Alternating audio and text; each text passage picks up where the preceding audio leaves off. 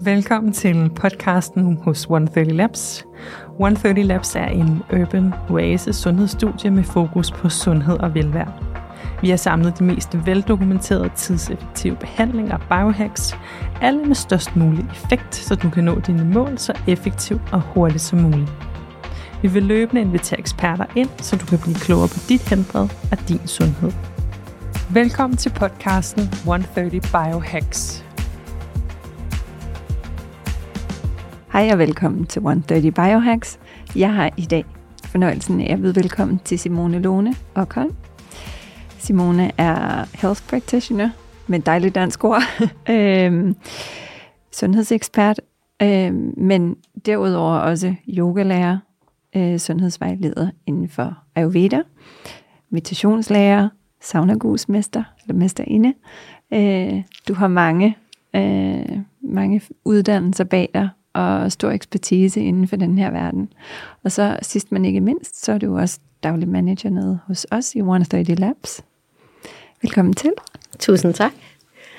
Og jeg har glædet mig til, at, at vi omgås jo hinanden hele tiden, men jeg havde egentlig glædet mig til også at dele med jer derude alle de øh, mange spændende ting, den erfaring du har, men også øh, fordi du har en lidt anden baggrund måske i for, ind i sundhedens verden. Men vil du ikke sætte på på det selv? Jo, det vil jeg selvfølgelig gerne. Tak for at invitere mig ind. Det er sjovt at sidde lidt på den anden side. Øh, jeg er vant til bare at være meget på gulvet ja. og snakke. Øhm, men en lidt anden tilgang til sundhed, ja, fordi vi har jo meget, masser af dejligt personale, som er klassisk uddannet inden for ernæring og sundhed, og Præcis. øhm, klinisk diætist og derudaf, og ja, jeg kommer fuldstændig med sådan et højre sving ud fra en helt anden vinkel, fordi jeg har en kant med i moderne kultur og kommer øh, fra en lidt anden øh, side, øhm, men og, en og måske også en helt anden opvækst, fordi jeg, at det har været sådan en meget klassisk opvækst i provinsen, uden tilgang til særlig mange krydderier i det, øh, inden for sundhed. Øh, nede i Næstved, hvor det måske mere har været øh, fodboldstadier og røde pølser, og øh, Mm. en familie, som er mere sådan øh, knokle familie, forældre fra middelklassen, som overhovedet ikke har noget som helst tag på sundhed eller self-care, eller, så jeg er ikke vokset op med det. Mm-mm. det. Det er nogle nye begreber, jeg selv har måttet lære mig. Og jeg tror, at interessen blev vækket i øh, Asien i, i de der 20'er, da man begyndte at rejse ud. Ja. Eller da jeg begyndte at rejse ud og ligesom skulle se noget andet end, En øh, Næstved. end Næstved. ja. Forståeligt nok. Og så tror jeg bare, det voksede derude, fordi naturen var fantastisk, øh, duftene var fantastiske, krydderierne, maden var anderledes, øh, man bevægede sig på en anden måde, tempoet var anderledes. Mm. Og så den her nysgerrighed tog jeg med hjem, og, og så begyndte det bare, efter universitetet havde jeg sådan, okay, jeg, jeg skal lære, jeg skal blive ved med at lære. Og så startede jeg på min første yogauddannelse og hos øh, Nalini, og derfra er det egentlig bare gået kursus i kursus, hånd i hånd derudad. Og det var sådan, yogaen er en ting, fordi det er jo, det er jo, for mig var det en måde at bevæge sig på. Ja. Og så efterhånden blev det et sted at lande, fordi at øh, jeg aldrig har forstået, at, der, at man kunne være i sin krop. ja, det tror jeg øh, kan være et nyt begreb for mange stadigvæk. Øh, at komme, komme hjem, altså have en fornemmelse om, at, at øh, eller en, fornem, en kropslig fornemmelse for at komme ned i kroppen. Mm. Og forholde sig til, at det her led, det gør sådan, og det gør ondt, eller øhm, uh, hvor det larmer inde i mit hoved, hvis jeg bliver stille med mig selv. Øh, altså alle de her ting, man ikke lærer i folkeskolen, eller på gymnasiet, eller i universitetet, Ja. Begyndte øh, min interesse at vække sig rigtig meget med yogaen. Så det var sådan udspringet for alting. Og så kom du over i Ayurvedaen. Ja, så altså, fordi jo mere jeg uddannede mig inden for yogaen, jo, hver gang, at der stod Ayurveda som sådan en lille side ting i, i øhm, kompendiet, så var det det, jeg glædede mig aller, allermest til.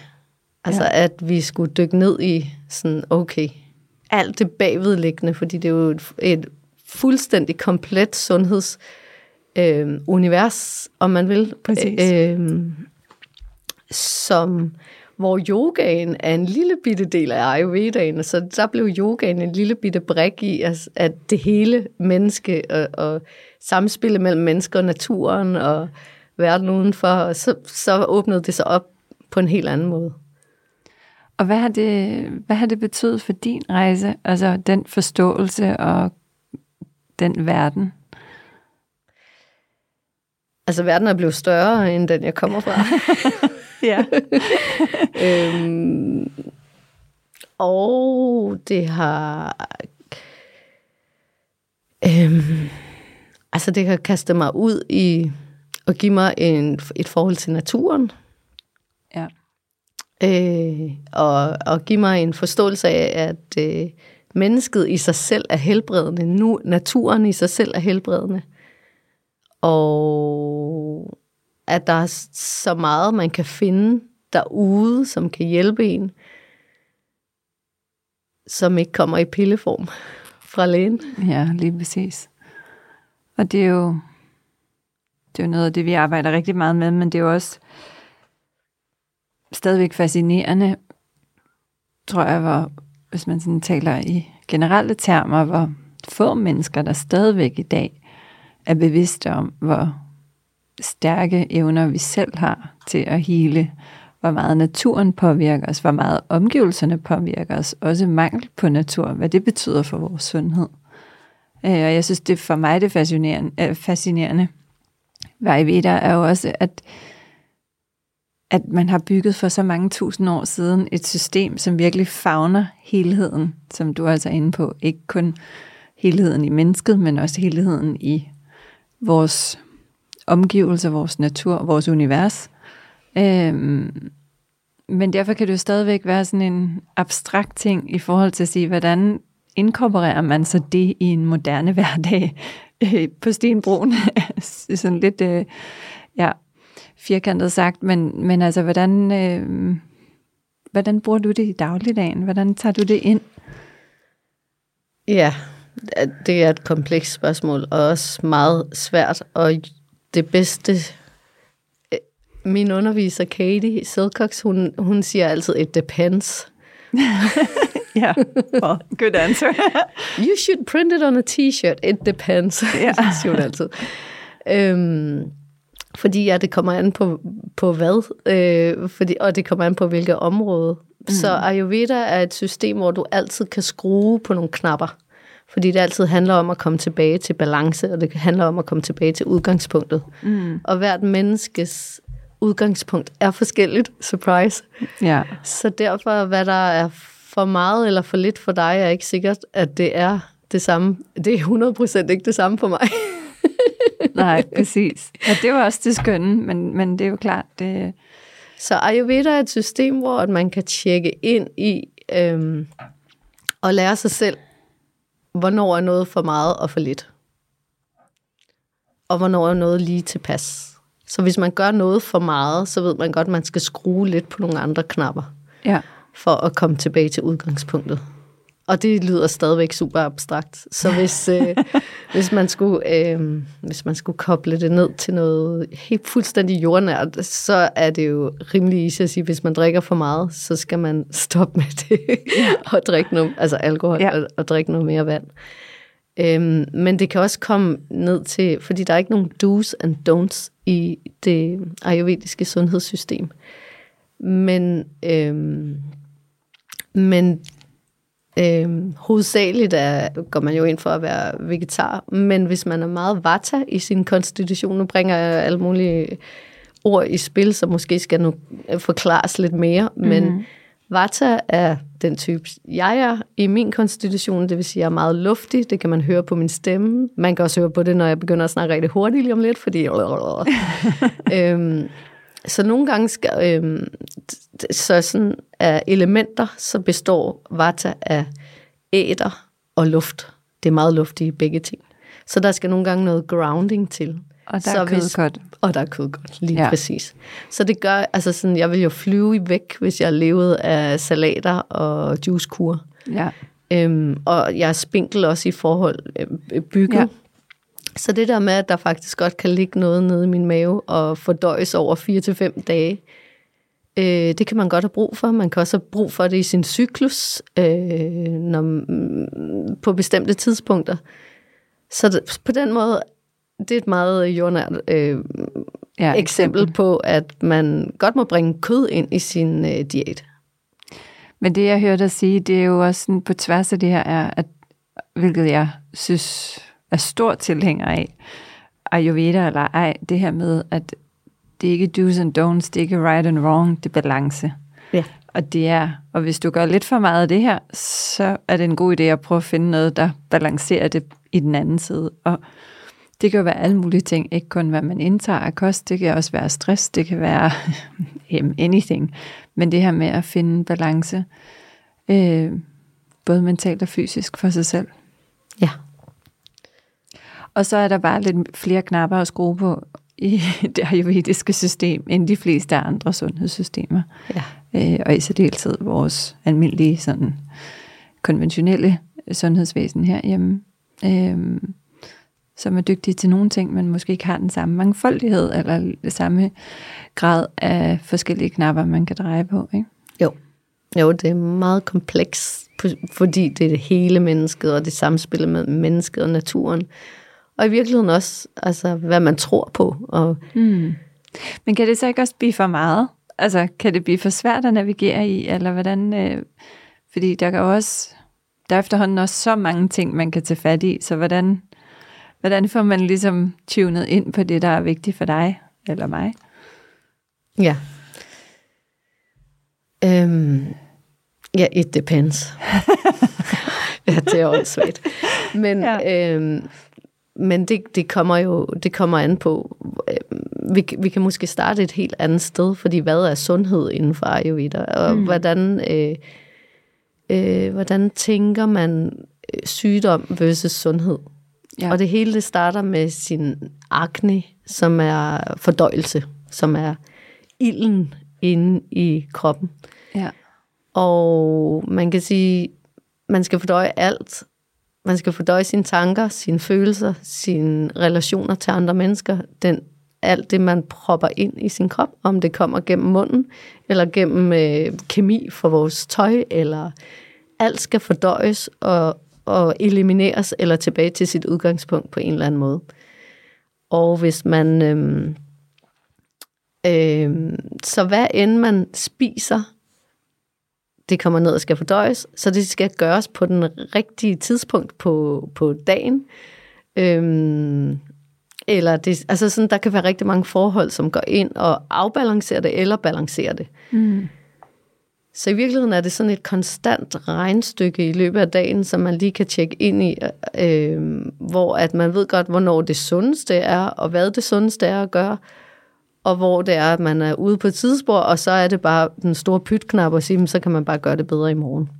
Så hvis vi tager måltiderne og akne, øh, så... Øh, ej, jamen, det er så komplekst, så i forhold til tidspunkter, og det, det, det, er jo, det er jo også, jeg tror, det er øh, et enormt fascinerende system, men det er jo det der igen, når der er så meget, kan det også sådan blive lidt, øh, hvor starter jeg, og Ja, ja, hvilken ja, ja. del tager jeg fat i? Ikke? Præcis. Men i forhold til fordøjelsen, øh, ja. så var den, jeg lige hævde fat i før. Hvis der er noget, man ikke fordøjer ordentligt eller korrekt, så det, ophober det sig et eller andet sted i, i kroppen.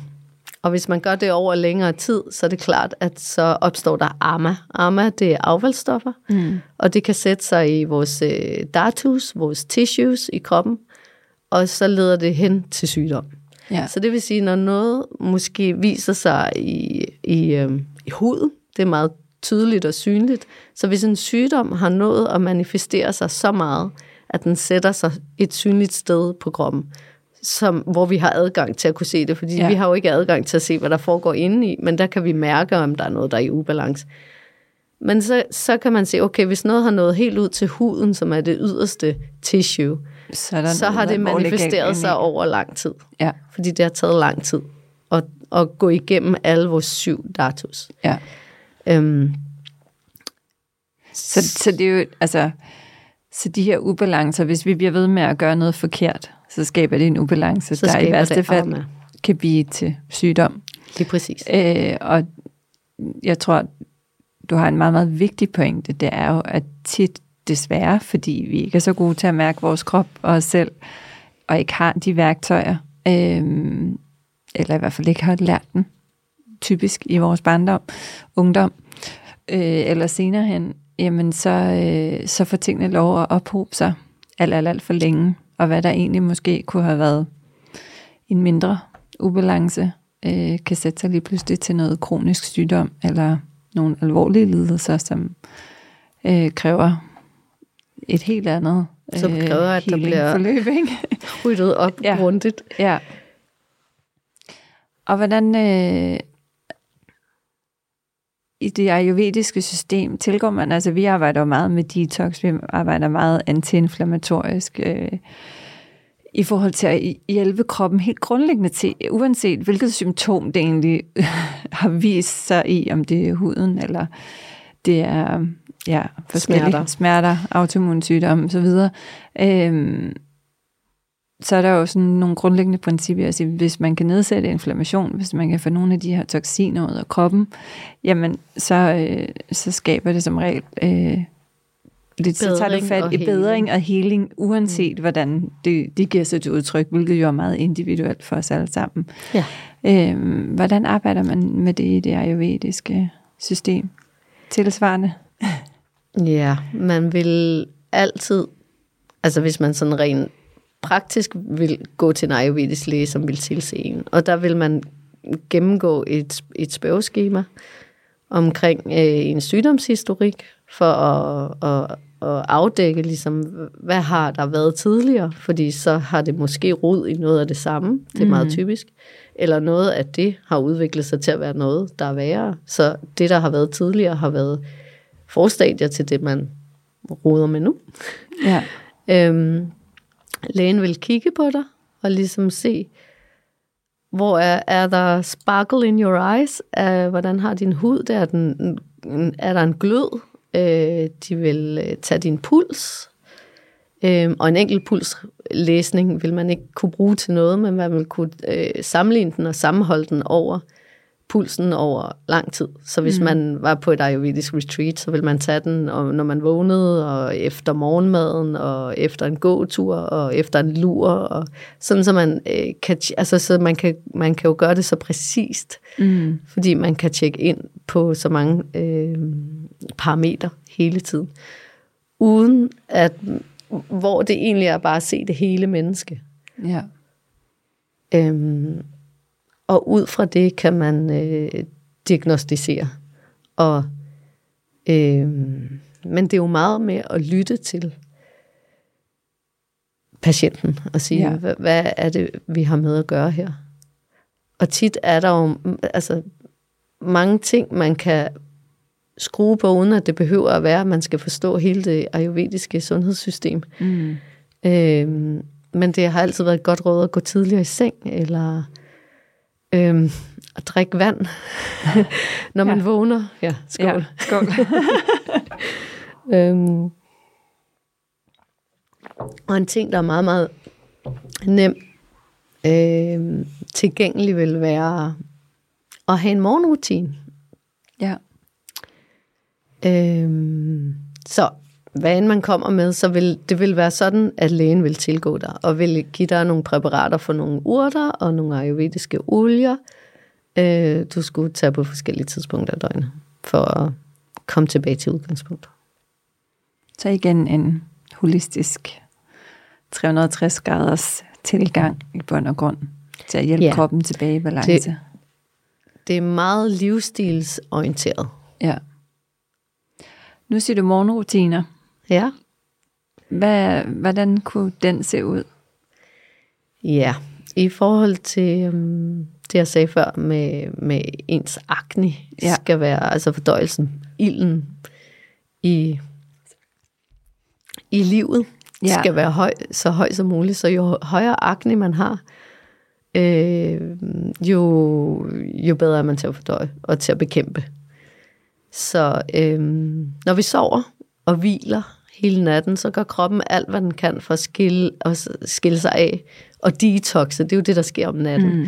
Organerne starter med at detoxe, og vi ligger os videre, og, og alle de her affaldsstoffer, øh, vi har samlet på hele dagen, den prøver kroppen at få ud til øh, alle åbninger i kroppen. Ja. Så det første, vi skal gøre i vores morgenrutine, når vi vågner, det er at rense og tømme vores åbninger. Ja. Godt så. det lyder, øh, ja, men ja. Ja. vi forstår.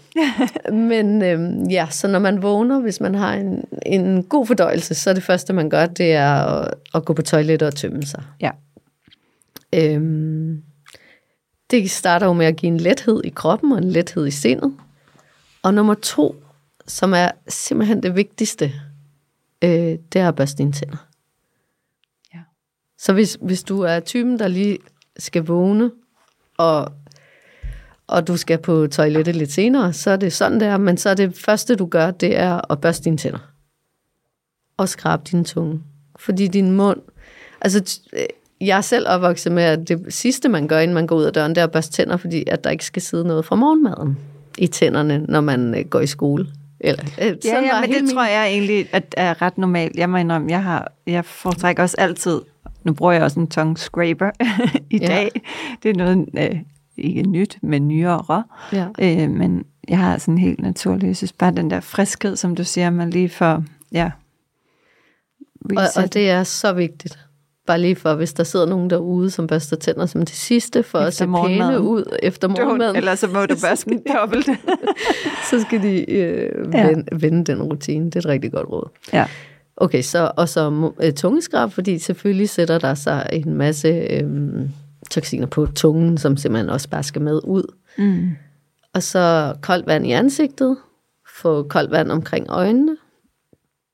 Øhm, man kan bruge øh, sesamolie til næse og ører, og man kan øhm, Men For at rense, eller? ja, Ja, for at vedligeholde og rense. Ja. Og i vintersæsonen, så kan man selvfølgelig også øh, køre øh, næserens, altså skylle næsen med saltvand, Mm. for at holde øh, næsesnu og bihuler og alt det her rene og væk. Altså holde næsesnu væk for Ja. Undgå ja. Ja. forkølelse. undgå forkølelse. Tak. tak. Sorry. Og så Ja. ja. kan man gå videre med øh, oil pulling, altså øh, sesamolie i munden og gurgle. Mm. Øh, og ud med det, fordi det, det og det er faktisk øh, meget effektivt. Det har jeg selv testet over længere tid. Så det der med at få renset, jeg er sådan en, der får mange tandsten.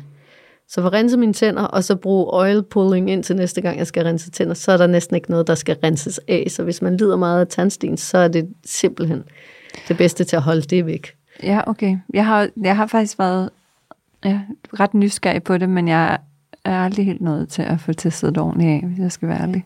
Nej, Men det går jo ind, det, Det- dræber bakterier, at det, altså, hvad gør det? det, det holder en sund Ja, mund. Hygiejne, som vi jo så også ved for mange andre tidligere deltagere her i podcasten, er sindssygt afgørende og meget, meget vigtig for vores sundhed. Og især den sundhed, som er oppe i hovedet. Præcis. Der er direkte kanaler op til hjernen. Lige præcis. Ja.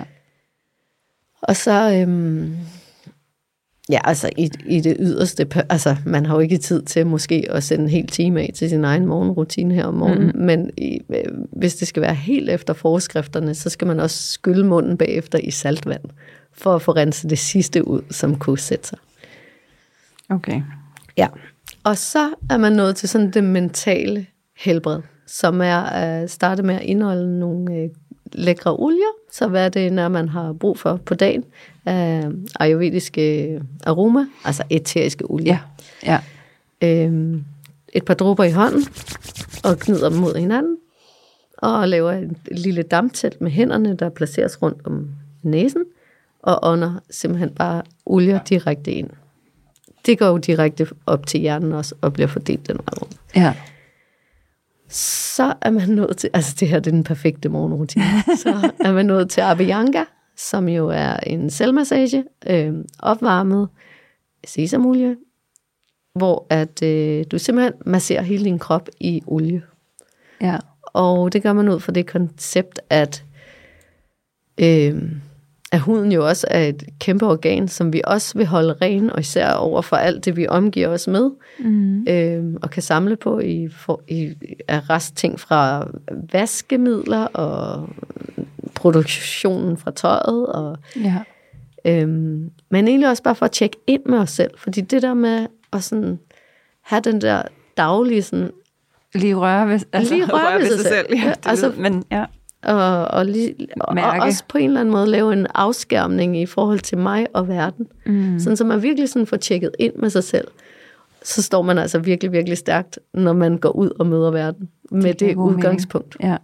Og så tager man et lynbad. Så inden for Ayurveda bruger man jo ikke øh, sæbe og så videre, men man tager bare et styrtbad, fordi man vil ikke, som min lærer siger, you don't want to walk around in town with your dirty Abianca oil on you. Mm-hmm. Så den skal man ligesom bare have skyllet af, fordi det er jo også der toxi- altså ja, det affaldsstofferne er jo klart, hvis du først har ligesom, ja, hvad sidder det ind? Men, og så har man fugtet sig. Så man Ja. ja. arbejder jo ikke med så mange produkter inden for Ayurveda. Så Jeg har et spørgsmål. Nu har du sagt sesamolie ret mange gange. ja, Hvorfor lige sesamolie? ja og igen, it depends. okay. Ja, Jaha. men sesamolie er den sådan bedste to-go, Ja. uh, go-to oil Ja. uh, for de fleste.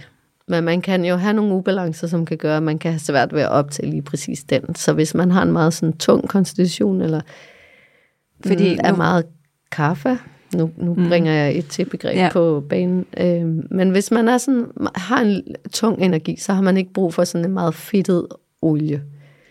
Øh, så har man brug for en mere let olie, og så går man over til kokosolie.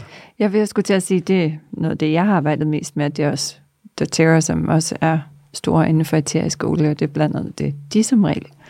Ikke at de ikke også har sesamolie, men det var, jeg var bare nysgerrig på, om det var sådan... Det, ja. ja. det, kokosolie er også mere sådan spiselig, fordi den, den dufter af noget, vi Ja. kender, og den dufter Ja. ja. dejligt. Og sesamolien er sådan en, man lidt mere skal overgive sig til. på en sang på en pæn måde. den har en anden aroma, Ja. og den har en anden konsistens. Så det, så, også, så det er også et godt begynderråd, hvis man vil ind og arbejde Mm. ayurvedisk Ja. med, øhm, med sig selv, så, så kan man helt sikkert sagtens starte med en god kokosolie. Det, det virker også. Så det, det, Det virker også. Ja. Olivenolie virker også. Ja. Men, øhm, men sesamolien er sådan den, der ligesom, men det kan vi måske vende tilbage til, ligesom det røde lysspektrum i, i LED-lyset, Mm. penetrerer huden dybest, så er det også det som sesamolie. Så inden for olieverdenen, så er det sesamolien, som penetrerer din hud dybest. Så det vil sige, at den når dybest ind til nervebanerne, og den skaber direkte ro i nervesystemet med det samme. Okay. Og det vil vi gerne. Ja. Ja, så, der, så hvis man kan vende sig til duften, så, øh, så er sesamolie at foretrække. ja. Ja. Så Lynbad, men jeg afbrød dig i, ja. Øh, i den perfekte morgenrutine. men Så- øh, tilbage til den. Ja. Ja. Så, øhm, så er man nået til bevægelsen. ja, Og så kan man lave sin, øhm, sin dans, eller sin yogaøvelser, og sin stretch. Øhm, og helt traditionelt, så er yoga jo noget, man praktiserer for at få ro på kroppen, inden man sætter sig i position til meditation. mm. Så er hele den her herlighed slutter med en god morgenmeditation. Om den er 5, 10, 30 minutter lang. Og hvis man så sidder derude og tænker, det lyder rigtig dejligt, optur, totalt urealistisk for mig at gennemføre i min dagligdag.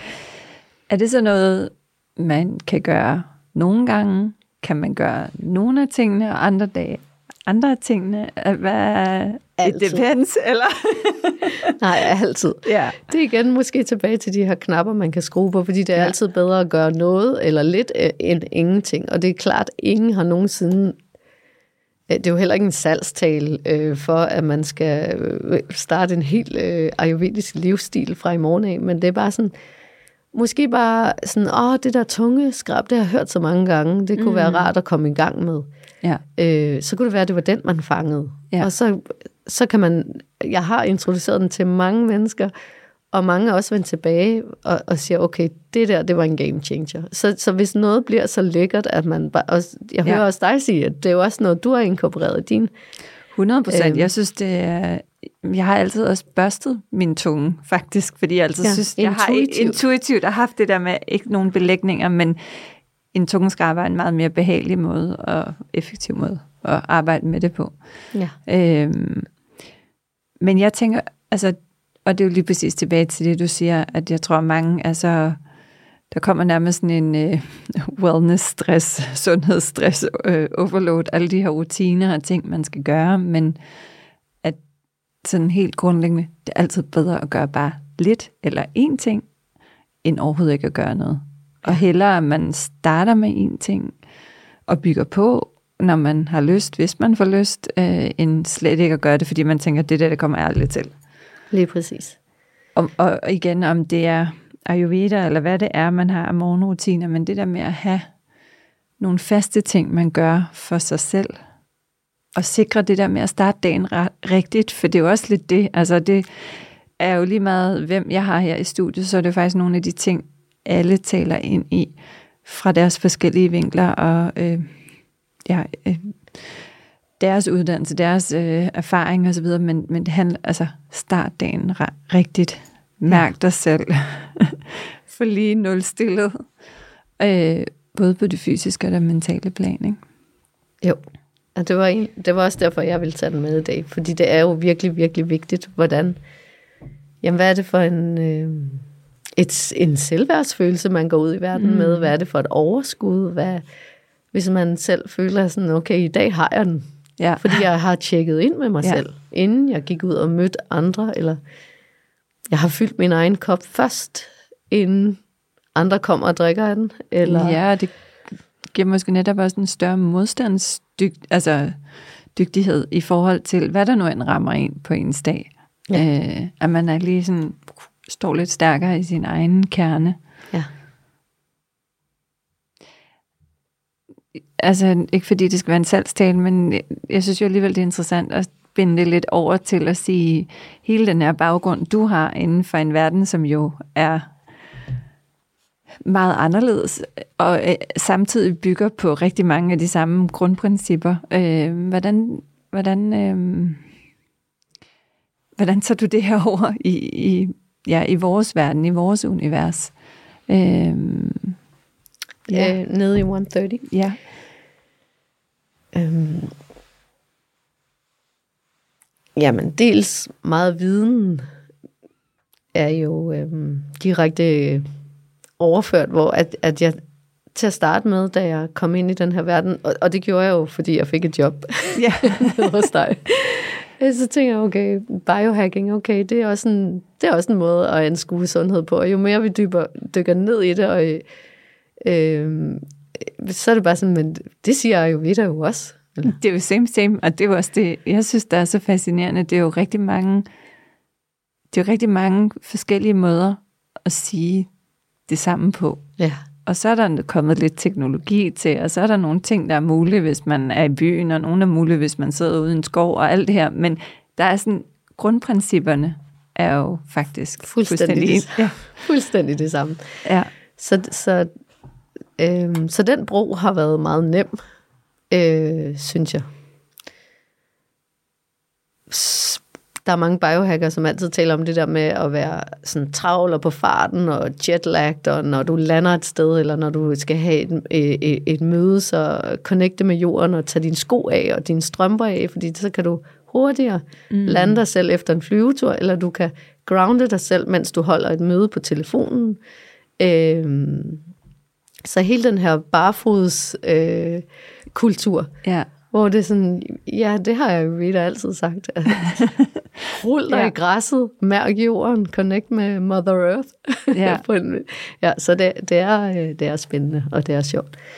Øhm, så det, det falder meget naturligt. egentlig at tjekke ind Ja. i, i det her loop. Men, øhm, men rent konkret nede hos os, hvis, hvis, øhm, hvis man kommer ind med nogle af de gængse, altså de gængse ting, folk kommer med, det er stress, det kan være hudirritation, øh, inflammation, meget inflammation i Ja, kroppen, i, ja. altså, som ikke kun behøver at sidde i huden, men i det hele taget. Det kan være søvnproblemer, øh, det kan være overvægt, øh, det kan være det her med at signe op til, at nu vil jeg gerne gøre noget godt for mig selv. Fordi Ja. at jeg har ikke passet godt på mig selv i lang tid, og nu vil jeg gerne investere i mig selv. Mm. Det er måske sådan faktisk den allerstørste. Og så bagefter, så falder paraderne lidt øh, hen ad vejen, og så kommer man mere under huden på folk, og så finder man ud af, af øh, lidt mere grundlæggende ting og dybere ting. Øh, Ja. Og så kan man guide folk videre ind i vores univers, som jo er nærmest lige så øh, bredt som, øh, som, Som det- ja. Nå, men fordi så lige Ja. pludselig, så kan det være sådan, okay, men det lyder, det kunne være ret interessant, hvis du begyndte at track nogle af de ting, du fortæller mig nu. Har du, har du noget målbart på det? Mm.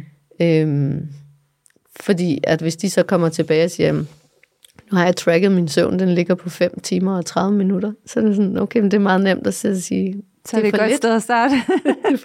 du skal Ja. skabe nogle bedre søvn ja. rutiner for dig selv. Øh, så hvornår er det, du spiser de sidste måltid? Hvornår er det, at du hvornår dyrker du sport? Er det tid, er, og hvornår er det hård sport? Altså dyrker du hård sport sent om aftenen og får din arousal op? Mm. Så lad os prøve, at øh, du kommer ned til yoga hos os om morgenen, Mm. i stedet for at... Altså, der, så det er jo fuldstændig det samme. Så vi er bare inde og skrue på nogle knapper og, og snakke og lære folk at kende. Ja. Vi tilbyder jo en times gratis konsultation, hvor vi kan afdække nogle af de her ting, men min, øh, min erfaring er, at det er folk i forløb over tid, som vi kan hjælpe meget dybere, at, at den ene times konsultation er en indgangsvinkel til at få startet noget, Selvfølgelig og så starter relationen som alle andre. Øh, øh, Ja, og gennem den, så skabes der jo en helt anden forståelse, og netop også, som du siger, at tænker jeg, nu sidder jeg jo ikke så ofte selv med konsultationer, men alligevel indimellem. Men, men det her med, at man alligevel får, Øh, at man får lært hinanden at kende i forhold til de her, for der er rigtig mange knapper at skrue på. Og det er jo ikke kun, hvilke knap- knapper, hvilke knapper, der skal skrues på, men det er jo også, hvilke nogle af de rigtige at starte med, og hvordan man så får bygget på derfra. Ikke? Jo. Fordi det er også individuelt, som vi har været inde og snakke om. It depends. og det er jo også tit, jeg tror, et af de spørgsmål, jeg oplever rigtig meget, det tænker jeg, det kender du også altid, jamen, hvor ofte skal jeg gøre det? Hvor meget skal jeg gøre det? Hvad skal jeg lave af behandlinger? Hvad skal jeg gøre med kost? Men det er jo lige præcis der, den individuelle forståelse og tilgang er så vigtig. Ja. Og i virkeligheden også vores, øhm, øh, alt vores staff Ja. øh, har forskellige take på ting, der taler i samme retning, men, men jeg oplever også tit, at, øh, at de kommer tilbage og siger, at jeg havde den her gode samtale med din kollega, og nu har jeg opdaget det og det og det, og sådan, ja, hvor er det fedt. Ja. Så det er også, at, øh, at det kommer også rigtig meget til spil, at vi har så meget forskellige profiler. Ja, og kompetencer, og, og det på en eller anden måde, der er noget, der kan inspirere her, og noget, der kan inspirere derover, og her var der lige hårdt, det her var lige et guldkorn, der var, der virkede for mig, øh, og så videre. Det, er- det tror jeg, det var meget ret i. Tiden løber, øh, som det jo gør, når man øh, har et emne, man kunne snakke i dagvis om. Ja. Øhm, og her på falderæbet et, et vigtigt øh, sidste spørgsmål. Hvad, hvad er dine egne biohacks? Hvad er det, du gør i din dagligdag, som er ligesom dine go-to? Ja, udover de ting, vi allerede har talt om, som morgenrutinen, eller været lidt inde på yogaen og meditationen, så det er jo, det er jo altid go-to. Men sådan, en anden ting, vi ikke har berørt så meget, det er varme kulde teorien. Eller Ja. terapien. Teorien og terapien. Begge dele. Begge dele, lige præcis. Teorien er jo også interessant. Men, ja, Absolut. Men... Ja, det er min go-to. Øh, nej, men altså, udover yogamåtten og meditationen, så der, hvor jeg virkelig mærker mig selv, og som nok også er det, jeg faktisk dyrker allermest i løbet af ugen, det er varmen. Mm. Så den kommer i flere former. Den kommer i almindelig sauna, og den kommer i uh, infrarød sauna inde hos os selv i Ja. 130. Øh, hvor jeg virkelig oplever sådan en grounding, grounding og en connection til mig selv. Ja. Så det er der, hvor jeg møder mig selv, når jeg mister mig selv. Giver det mening? Det giver så god mening. Det tror jeg, der er mange, der kan nikke til. Også dem, der lytter med derude. Ja. Og så også det her, og så kulden ja. oveni. Kulden er der, hvor man øh, lige bliver vækket i sig selv. ja, det synes jeg faktisk er en meget fin måde at sige det på. Også derfor, jeg synes, det er sådan en stærk kombination. For der er et eller andet i den der, man bliver først enormt grounded i varmen, og så kom i kulden, hvor man får den der, uh, ikke? Altså, Jo. man lige skal kigge sig selv i øjnene på den gode måde.